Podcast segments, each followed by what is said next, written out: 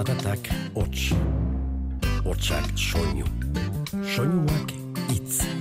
Itza, Mintza, Giltza, bizitza, jola, sola, nola as, nola nas, ganoraz. Eta hitza jolas bihurtu zenean, komunikazioa atxekin iturri, dibertsio izaten hasi zen. Eta bersu bilakatu zen. Itza jolas. Txapelketa oraindik garunetan zaude. Zu iruña izan zinen amets bat kum laude. Baina bueno pasatu behartzen ez aure. Gaur beitu iruñean ta bertxotan gaude ametsak betetzeko mila era daude. Iauteriak hemen ditugu, herriz herri alde, maskara data libertimendu, ala kaskaroten sare. Mozorroturik lurrari joka, antxu profezien pare, ea guk segiro sortzen dugun gaur, maskararik jarri gabe. Ea guk segiro sortzen dugun gaur, maskararik jarri gabe.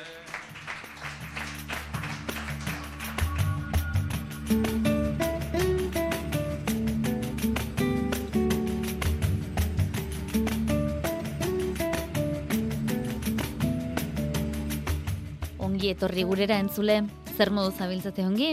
Saio alkaizak zioen gixean iruñean izango gara, bertsoaroaren baitan, Nafarroako antzerki eskolan, utxailaren bederatzean izandako saiotik hartu ditugu, hainbat bertsoaldi. Baina iruñeko saioaren biharamunean, bai banan izandakora egingo dugu. Xumaik zioen gixan, baionako biltxokon etzen ez, maskararik izan, baina egokitu zitzaien nola baitere, besteen azaletik kantatzea, bertako hautaketa bat ere, egin dizuegu. Batetik besterako bidean jauzi egin genezaken edota zubia igaro. Hain justu Jon Sarasuaren arizko zubiak ekarriko ditugu gurera. Bederatzikoa berriz, Hernani aldean dabilera ere kontatuko dizuegu. Hasiko algara?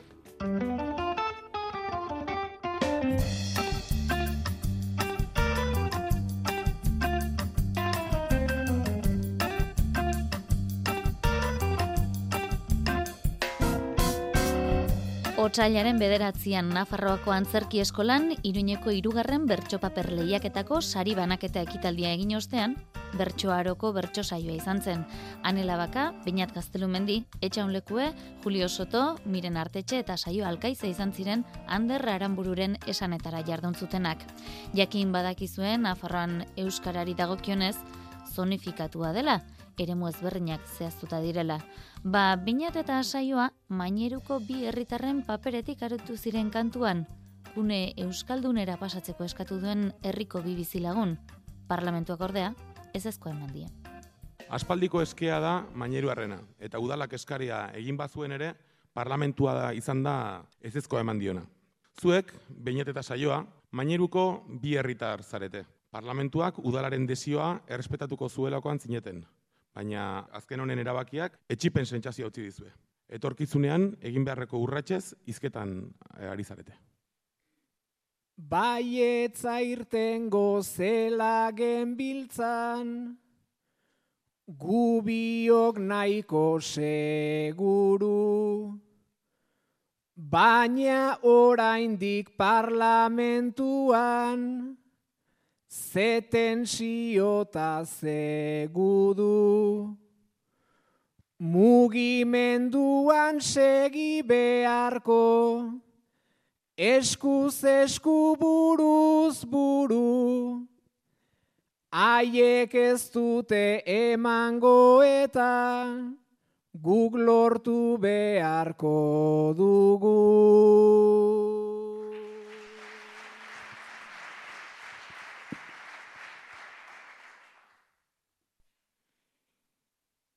Parlamentuan zer ote dira, jazarpen adibideak, eskuinaldeko fasistak eta horien adiskideak,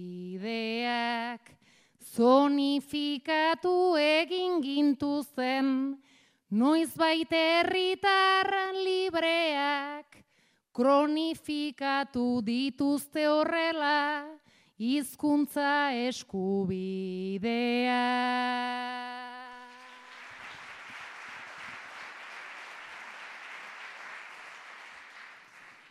Ta gure minak ere dituzte, luzera kronifikatu.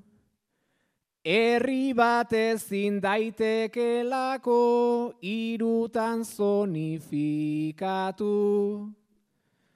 Gure ere muan zenbat euskaldun, zenbat aleginta datu. Hemen garaiak aldatu dira, ta ez errezta aldatu.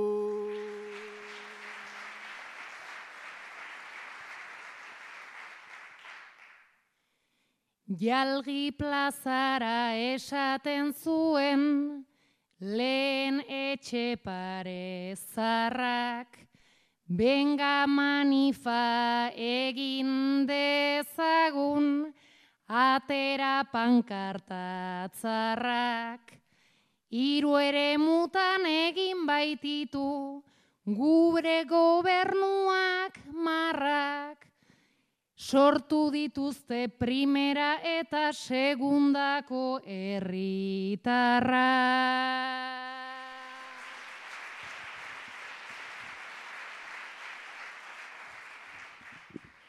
Ta gure gana bigarren maila ia aldiro dakarte. Mainerun ez du euskarak behar luken adina tarte. Ta PSN ara hor dago, lengo taldearen parte. Denak baitira aurrerakoiak euskara agertu arte.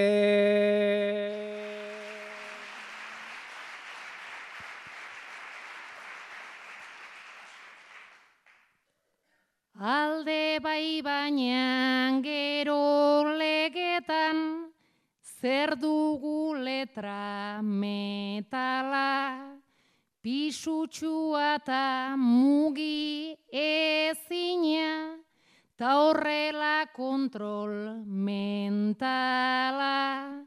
Gure ekinez antolatuta, egin protesta letala, politikoek ezin dutena herriak egin dezala.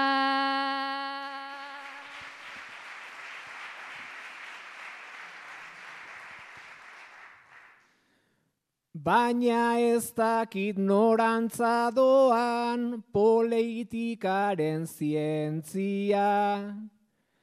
Saioan niri jada bukatzen hasi baitzait pazientzia. Aipatu dute tortura edo guda baten erentzia. Baina hizkuntza bat zapaltzea ez alda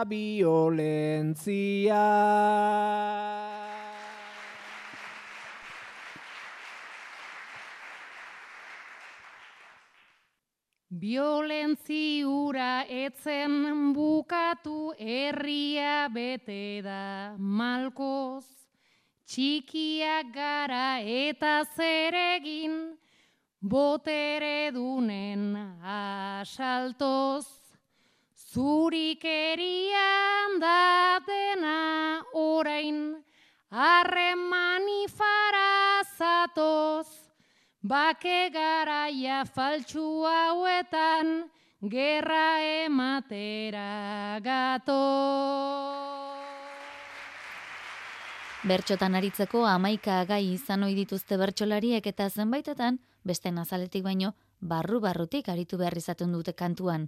Hauxe etxan leukoeri, bi mikrofonotan egiteko jarri zioten ariketa. Etxaun, denak izaten du bizitzan bere alde ona eta bere alde txarra, baita bersolaritzak ere. Pentsatzen dut, bersotan daramazun denbora honetan, izango zuela bideak gozotik eta gazitik. Ezkerreko mikroan, bersotan kantatzera bultatzen zaituenari buruz kantatzea proposatzen dizut. Alde onari eta gozoari buruz. Eskuinekoan aldiz, zalantzak izan dituzun uneari, bersoaren alde garratzari. Ba gauza onak hainbeste dira, horrei zelan egin iez.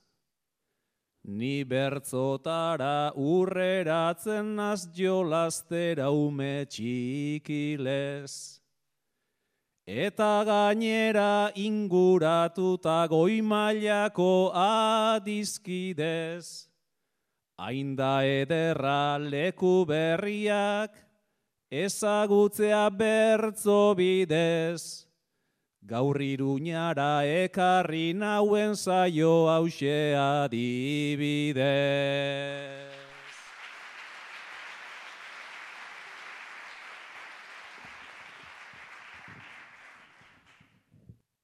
Baina pegak be egoten dira, hemen lantzean lantzean, bertzolariak berrogei barik, mila ginak eostantzean. Inoiz aiora joan aurretik, Goizean zein arratxean, irten aurretik entzundakoa, errepikatuz kotxean, alabak zera esan izan daust, aita geratu etxean.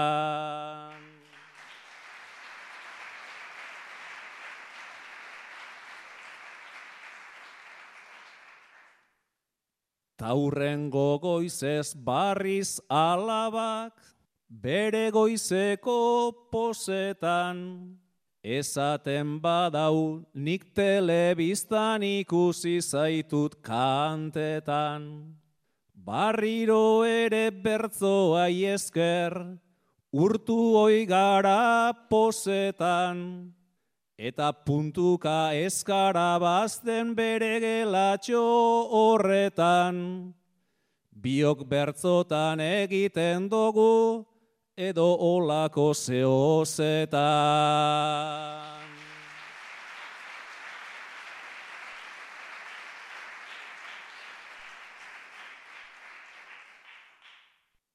Zorionean ona oroitu, ta azten dugu txarra, baina luzaro barruan eukitxapelketa horren arra. Ta sasoi hortan eukitzen dugu nahiko jarrera kaskarra. Baina horrek be badu honetik dekot aitortu beharra. Horrako neuskan mila ideia eta honako bakarra. Otsaila hasieran esan dugu, oraindik ere Euskal Herriko txoko askotan, inauteri, karnaval, iote, dota libertimentu garaia zela. Julio Sotori, iruinkokoan aritzeko deitu omentzioten, baina bikote laguna berak aukeratzeko ardura zuen. Kiden artean norrautatuko ote du eta zergatik. Datorren igandean, hilaren emeretzian, eginen dute bosgarrenez iruinkokoa. Iruineko inauteri euskalduna.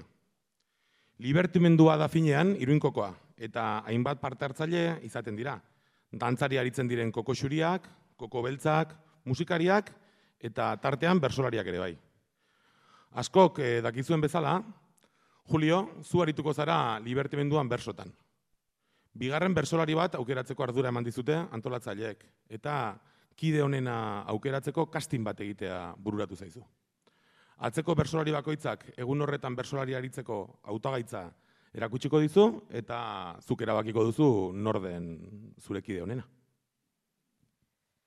Libertimendu kontuek dute oso tradizio zarra, Benafarroan berriro ere hartu duena indarra, ta badakizu Julio naizela, ni benetan endaiarra, baina endaia ekialdeko aia basena fartarra, baina endaia ekialdeko aia basena fartarra.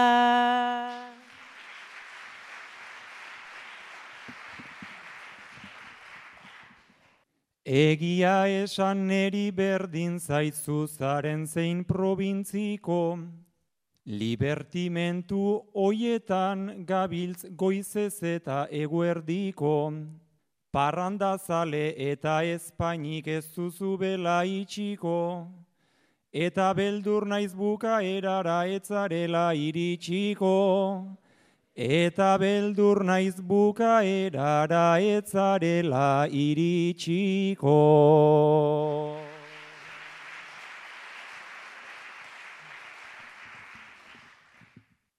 Iruinkoko anatera behar zaionez puntari punta. Behar da norkta, behar da nora, behar da nola apunta.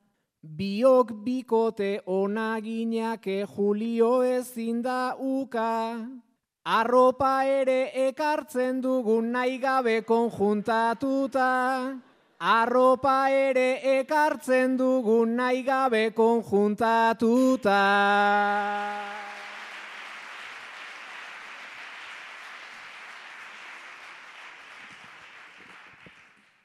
Igual jendeak pentsatuko zun arazekartek pijama, ta arrazoi du galtzak igualak baitauzka guguk aiama. Berso poteo bat ordea da egitea erdi bana, bersolari bat aurkitu behar dut kontraste egiten didana. Bersolari bat aurkitu behar dut kontraste egiten didana.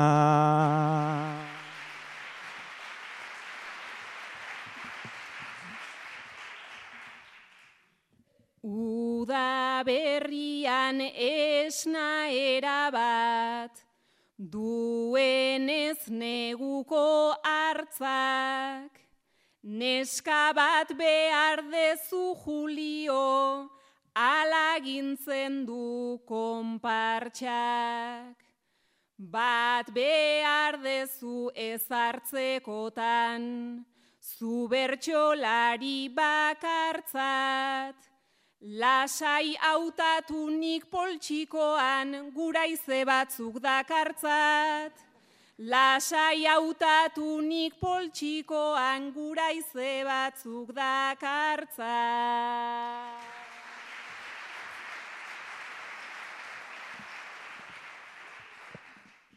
Naiz guraizeak zorroztuak ta naiz pelukadun jantzia.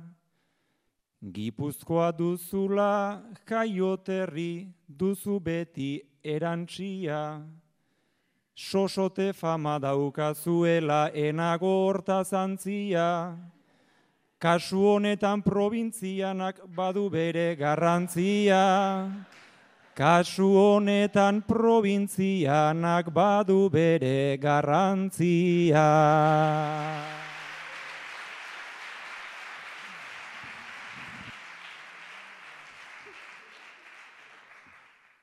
Kartela ikusita erikadoa, ze decepzio niretzako, bueno ordezko izan ninteke ez diote ginen planto. Saio alkaiza aukera onena, Nafarran gaurko biharko, mikrofonoari etzenioke altura jeitsi beharko, Mikrofonoari etzen nioke altura jeitsi beharko.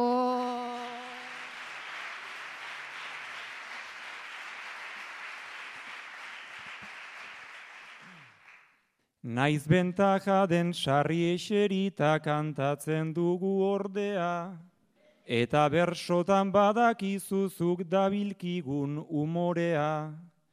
Zuria darra jotzeko baina libre behar da adorea, gura izakanek ditu baina nork du destorniladorea.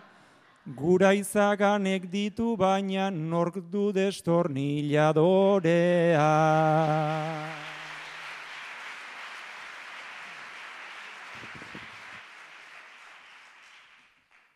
Iruinkokoa izena behintzat, nahiko celebrea deko, nik kokolotik nahikoa dekotegia garbi esateko, ta ez dot pegarik behar danagaz, kokoteko kaazteko, eta presnago koko kilo bat janta kantuan eiteko, eta prest nago koko kilo bat janta kantuan eiteko.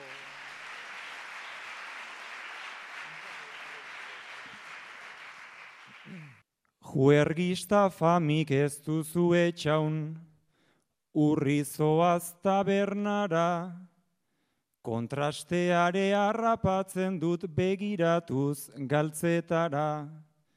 Erramientarik ere etzen dun sartuko patriketara, etorri zaite zuzeu kantura eta ekarri alaba. Etorri zaite kantura zuzeu eta ekarri alaba. Bertxokiden artean gehienak ezagunak izan ohi dira, baina bizitzan izaten dira, gertalitezkeen bestelako egoerak. Ez ezaguna zaizuen norbaitekin zerbait partekatzea tokatzean ze sentsazio nagusitzen ote dira. Ikasturte hasieran ikasle pixuan adibidez. Mirenek eta hanek pixukiden arteko harreman baten lehen pausura eramango gaituzte. Han eta miren, pixukideak zarete. Orain arte, mudantzak eta tarteko, ez duzu gehiegi elkar ikusi, baino gaur afaltzeko ordua da eta sukaldean elkartu zarete biak. Prestatu duzue, norberak bere afaria, jarri zarete elkarren parean eta hortxiari zarete. Ensalada eta zopa artean, konversazio duin bat mantendu nahian. Isiltasun deseros hori hautsi nahian. Zuek, bainat eta saioa aldiz, aneren eta mirenen kontzientzia zarete. Bainat aneren kontzientzia eta saioa mirenena. Zuek esan behar duzue benetan pentsatzen dutena, baina esatera ausartzen ez diren hori. Lehenengo gaua lehen afaria, ze egoera normala, iruditzen zait pixukide hau aspalditik daukadala. Ensalada eta zopa, gelditu behar naiz sopa. Ala begirala, ala, joen salada atunta guztiz, zeaukera originala. Joen salada atunta guztiz, zeaukera originala.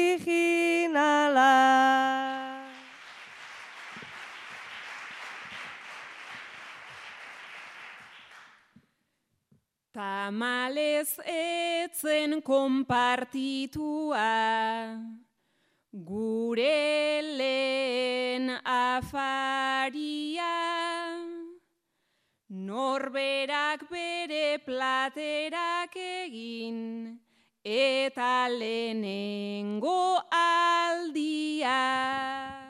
Hemenago lotxetan, letxugadu hortzetan, Azbedi sola saldia, gaurkoan egun oso zegindu, neguko eguraldia. Gaurkoan egun oso zegindu, neguko eguraldia.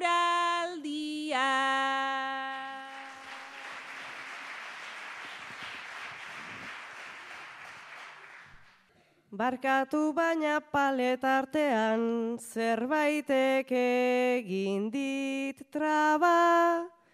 Jota zezopa koloretsua benetan artista zara. Zopa gatz gabe ala, gipuzkoarrak bezala. Taiaiai hile bat ara, metrota erdi neurtzen du baina, bueno igual nerea da.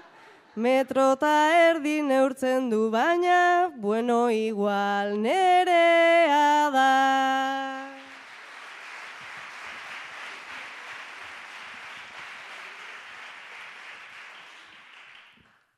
Ilea esan du mirenek ta, Ilea beti da tabu, Elkarriz esan asmatu nahian, Ordu erdi dara magu. Zopa gatz gehitxorekin, ta bera ere berdin.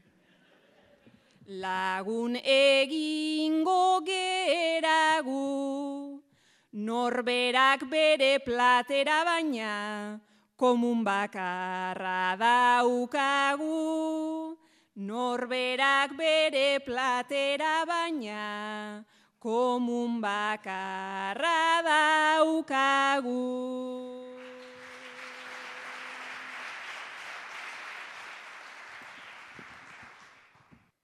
Fede haundia daukat gubion, bizikidetza noblean, naizta igual ez dugun koinziditzen afaltzeko tenorean. Ta bere hortz zepilloa, ibili dut pilloa. Igual bakoitzak berean, Seiterdietan afaltzen dugu endaia ekialdean. Seiterdietan afaltzen dugu endaia ekialdean.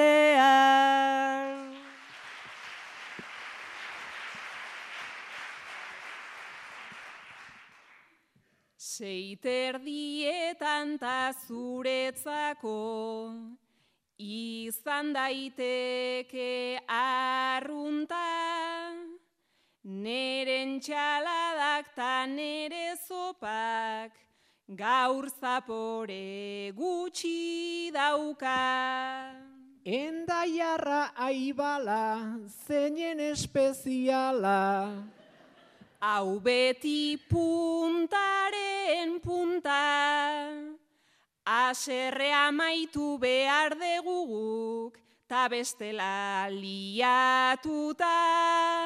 Aserrea maitu behar deguguk, ta bestela liatuta.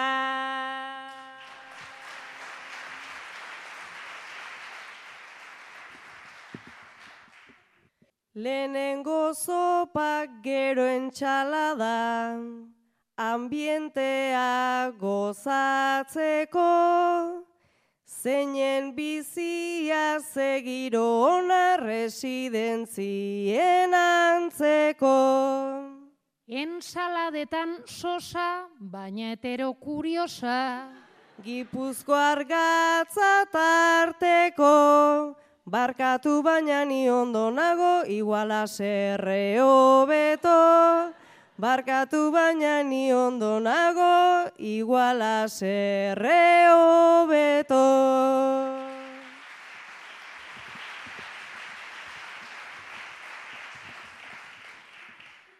Afaria ja bukatu dugu, bukatu da tramitea, ta telebista aukeratzea, izango da jakitea.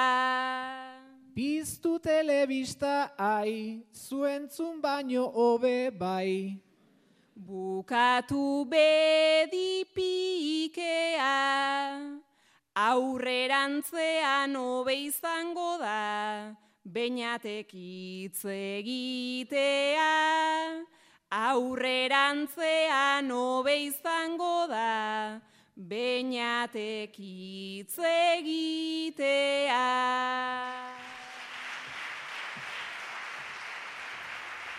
Ez dakigu non biziote ziren miren eta ane pixukideak, baina akaso beinatek lagunda diezaieke iruña hobeto ezagutzen. Gaur denez, saioa lehenengo zarama iruñara eta amaika galdera sortu zaizki honi. Asmatuko ote du erantzuten?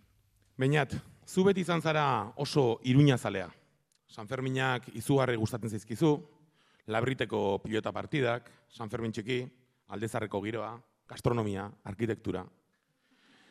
Lagun guztiak iruñera etortzeko konbentzitzen aritzen zara askotan. Eta iria apenas ezagutzen eh, duen saioarekin, asteburu pasa etortzea lortu duzu. Kotxean zatoztela, saioa iruñari buruz galderak egin eta egin hasi zaizu.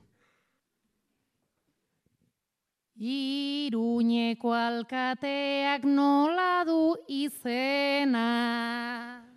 Bertxolari ezagunta haundi batena.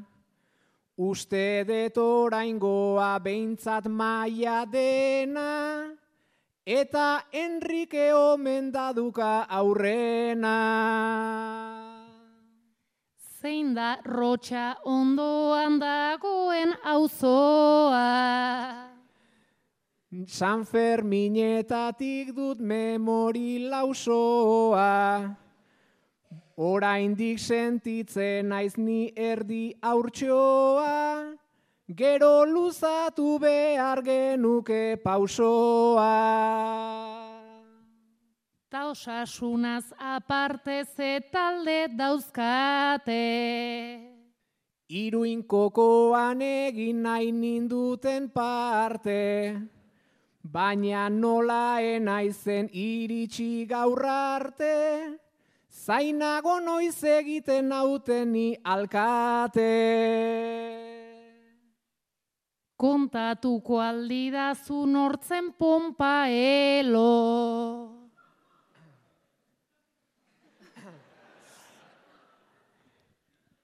Errima entzun eta kaixo eta gelo, baina nere barruan neurona denek lo, ba erantzun bakarra saioa auskalo.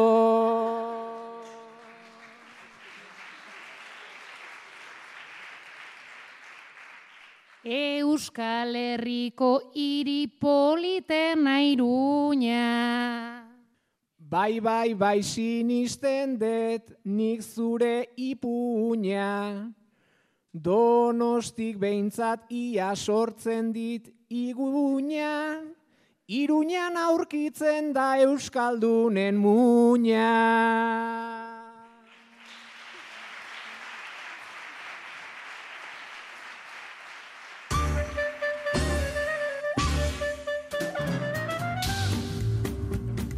Aier tordoinezek Andoni Rekondori bidali zion azkenekoan bederatziko osatzeko erronka.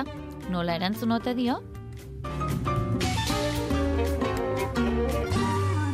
Bertxotako nahiago aldezu taberna. Bertan sortu oida giro beroena, akatsa ez da izaten horren nabarmena, baina anistasuna ere ez da problema. Tabernan barrena, plazaren almena, aretoko dema, naiz elkarteena. Bertxotan bada gustoko adet dena, bertxotan bada gustoko adet dena. Eta tabernako giroekin jarraitutan, ere puntua erranin bertan geldituko da, azkeneko tabernetako txapelketako txapeldunarentzat, ekaintolare txipirentzat izangoa, eta eta hause, hause puntua. Zer irabazi behardek hemendik aurrera. Urrengoan espero dugu ekaintolare txipiren bederatzikoa.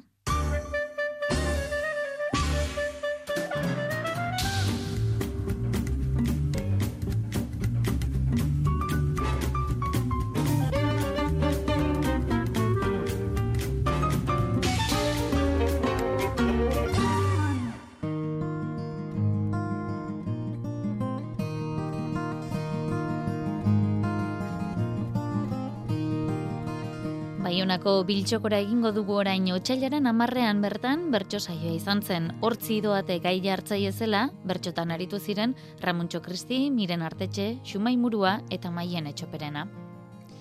Iparralde eta hegoalde artean, dantxarineako nuba dantzalekua istera omenduaz martxoan. Zer egin gote dute orain, Ramuntxok eta Maianek? Ogoita bat urtez, zuen zorionaren zentro izan den dantxarineako nuba diskoteka, betiko etxiko dute martxoan. Kriston kolpea izan da zuentzat. Loa ere galdu duzue. Zer eginen duzue larun batetan? Iasan gaitza zaizuen egoera honetan, zerbait egitea deliberatu duzue.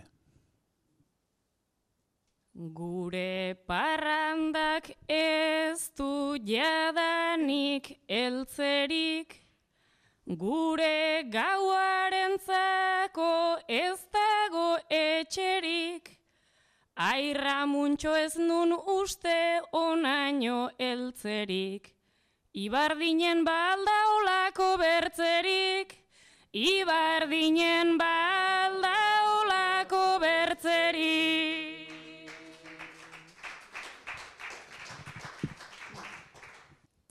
Elgar atxeman ginuen larun bat gau hartan, Elgarrekin dantza egin ta ari zan kantan, Segur izanen gira gu zerbaiten faltan. Horai zer eginen da gauetan lesakan, Horai zer eginen da gauetan lesaka.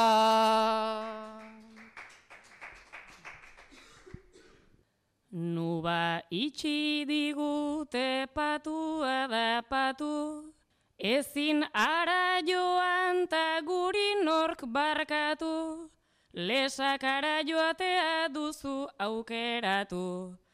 Ba lesakan da biltzaldiro laukatu, Balesakan da biltzaldiro laukatu.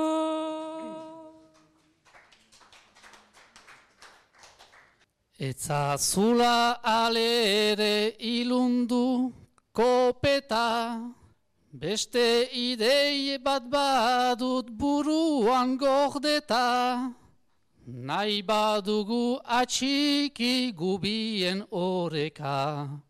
Biltxokoan jarriko dugu diskoteka, Biltxokoan jarriko dugu diskoteka.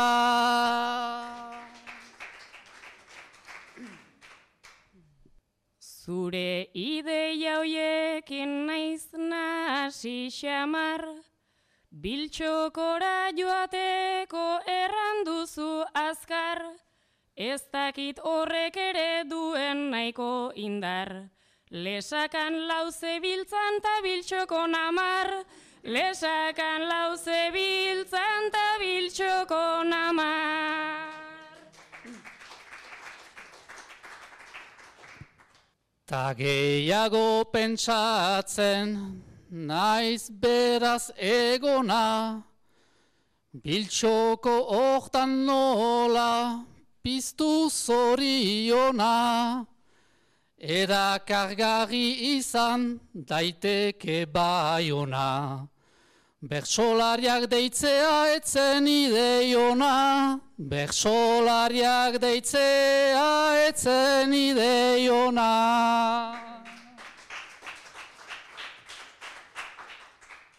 Behin deitu zituzten ta oraindik penetan, Zergatik egin zuten ez dakit benetan, Ideia hobe bat dut oraintxe gaur bertan, Mendira joan gaitezke igande goizetan, Mendira joan gaitezke igande goizetan. Jakina da azken aldian energia krisia ahoza da bilela, eta neguak ere azken egunotan gogor jo duela temperaturak asko jaitsiz. Honen bestez, Ramuntxori galdera uxel luzatu diote. Arribatu da negua. Berant, baina arribatu da.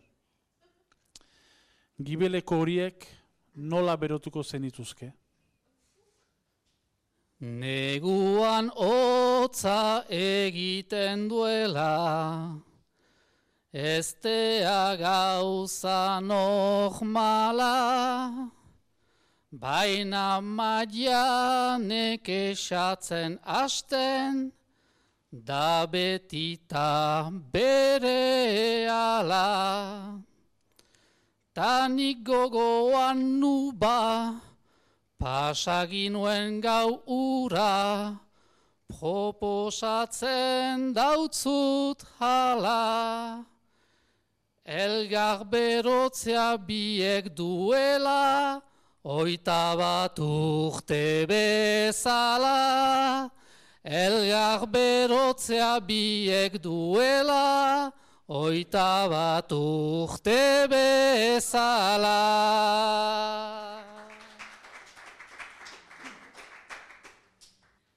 Nuba garaiak atzean daude, joan dira aspaldidanik, eta ordutik hotza haundia, ta asko pasatu dut nik.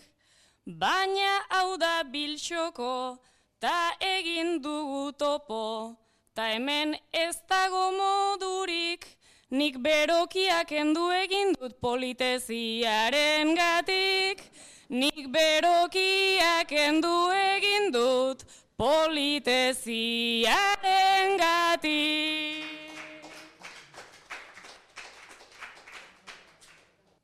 Eta begira gure mireni, bera ere osten ari da. Naiz mia sohots mantendu, ta begietan dir dira. Urbil zaitez nigana sortzeko aremana, kanape gainera dira. Mise azpian egonen gira, gau osoan Netflix begira. Gazpian egonen gira, gau osoan Netflix begira.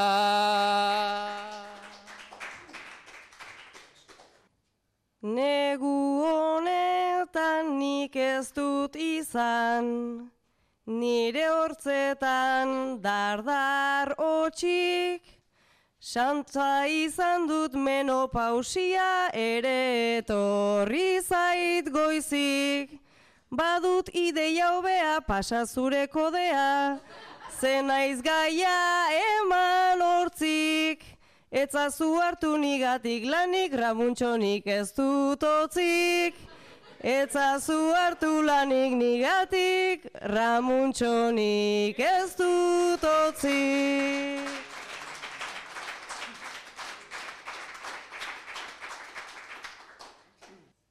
Ta sumai ere ikus daiteke, otzikaretan dagdaran, gorputz osoko ile guziak, xutitu zazko hilaran. Bainan sumai ezkesa, zuretzat dut babesa. Artu kafe eta patxaran, larun bat goizez elkartu gaiten, epaiskan edo sankaran. Larun bat goizez elkartu gaiten, epaiskan edo sankaran.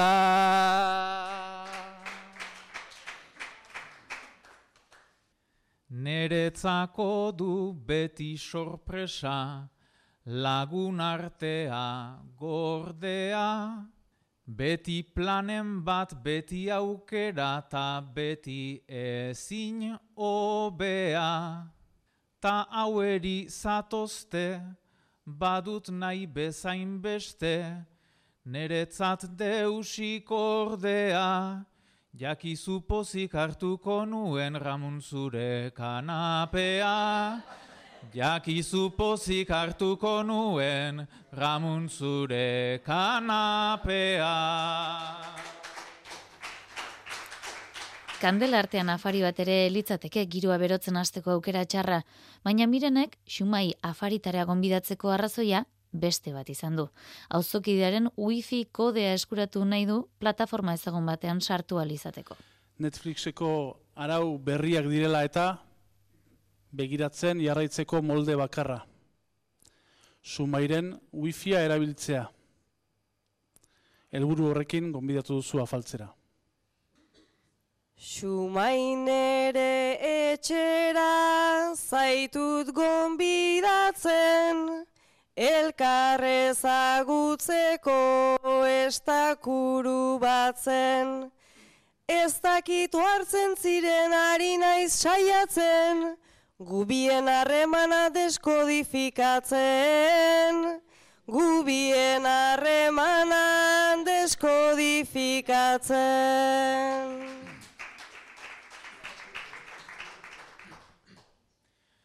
Zure intentzioaz nahi nuke fida, harreman ona izan, auzoak baikira. Ara zuren txaladak nolako diztira, hau ere ikasi alduzu Netflixi begira. Hau ere ikasi alduzu Netflixi begira. Entxalada ez duzu maitik baztertu, aseratik zabiltza sardeskatik gertu, baina ze hots arraro den ahoan lertu, barkatu esan duzu ez dizutu lertu. Barkatu esan duzu ez dizutu lertu. Eskatzeko baduzu iduriz sobera, ta baliatzen duzu afari aukera. Sabeletik ekarri oi baitzait plazera, zure menuarekin segizu aurrera. Zure menuarekin segizu aurrera. Menua segitzea ona da tarteka, zerbitzatzen segitu nahi nuke zer gerta. Arno pixka bat edan ona dago eta, segitzen dut liveboxen kodearen txeka. Segitzen dut liveboxen kodearen txeka. Afari zalea naiz, ta deserten maisu, momentu zu asmatzen ari zira haizu. Ta deserta gainditzen bazara ba gaizu, kodea platerpean agertuko zaizu. Kodea platerpean agertuko zaizu. Ez dut koderik hemen ara, ara, ara, platera itzulita bertatik bertara. Baina oraintxe bertan kuriosa naiz jada, ez dut nik internetik zurea nola da. Ez dut nik internetik zurea nola da. Telefonoan ditut nik lau barrak bete, baina hori ez dut ez ordaintzen hain merke. Prestatu diezazuket zuretzat ze suerte, baina faria berriz errepikaleike, baina faria berriz errepikaleike. Itze jolas Euskadi Ratian.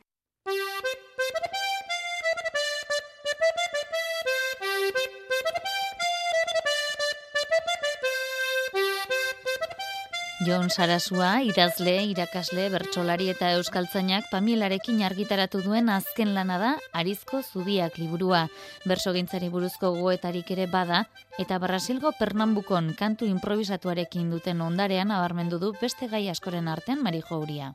Bai, herrien arteko zubigintza dago Arizko Zubia liburuaren oinarrian, Euskal Herriko esperientzia munduratuta eta beste komunitateetako ekarpena gurean, Jon Sarasuak duen ezagutza, komunitate haietan ikusitakoa eta esperientzia elkartuta. Hizkuntzak bizi berritzen lan sendoa egiten duen garabide elkarteko ordezkariare bada Jon Sarasua hizkuntza komunitateen gutxituekiko harremanean sakontzeko, bost herrialdetara egin duen lan bidaien esperientziak jaso ditu eta lehen pertsonan idatzitako gogoetak ere jaso jasota daude liburuan. Horien artean dago, ba, liburuari hasiera ematen dion atala 2008an Brasilgo Pernambukora egindako lan bidaian ezagutu duena islatzen du munduko kantu improvisatuaren gunea dela nabarmenduz. Bakarra da pizkate sail eskanpokoa eta hau da Pernambukon, Brasilgo Pernambukon ziurrenik munduko kantu improvisatuaren gunerik e, potenteenean egindako, e, bueno, han egindako inkursio bat kontatzen da. Orduan, lehenbizikoan,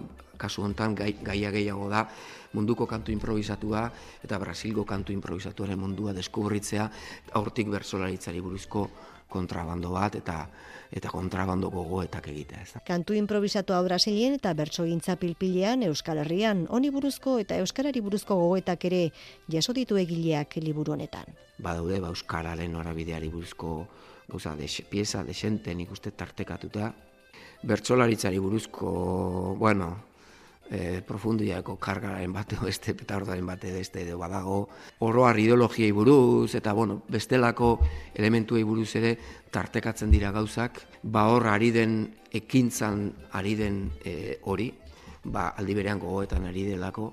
Ezke mundutik ikusten da Euskal Herria eta Euskal Herritik ikusten da mundua, ez da? Edo zein gauza txikienak ere, badu nazioarteko dimentsio bat, ez? Eta guk euskararen komunitateak ere badu nazioartekotasun bat. Idazterakoan ahozkotasunaren indarra espresibitatea aintzat hartu dituela dio egileak. Idatzizkoak dira testuak eta bueno, euskararen espresibitate alik eta osoenaren bila noa testu hauetan, ezta? So ahozkotik gertu, baina aldi berean e, nire euskara totalenera hurbildu nahian, ez da? E, euskalkien eta, bueno, ezagutzen dituan, oro nire barruan martxan dauden, ba, espresio guzti e, hoiek aktibatu nahian, alik eta ahozkotik gertuen gauzak kontatzea, ez? Jon Sarasuak idatzita, Pamielak argitaratu du Arizko Zubiak liburua.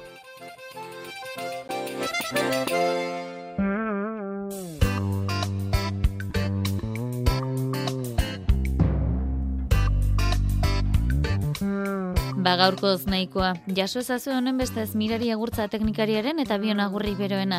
Baionako biltxokon miren artetxek botatako azken agurrarekin utziko zaituztegu. Urren arte, ondo izan eta zaindu. Ai guren zule eskerroneko guren zule sekuestratu, berreuntxak urbaina hobeak dira askotan laukatu. Atea hortxe izan duzu eta etzarete eskapatu, ongi esanak irudikatu gaizki esanak barkatu. Guri denbora gortu zaigu askatasunaz gozatu, guri denbora agortu zaigu askatasunaz gozatu.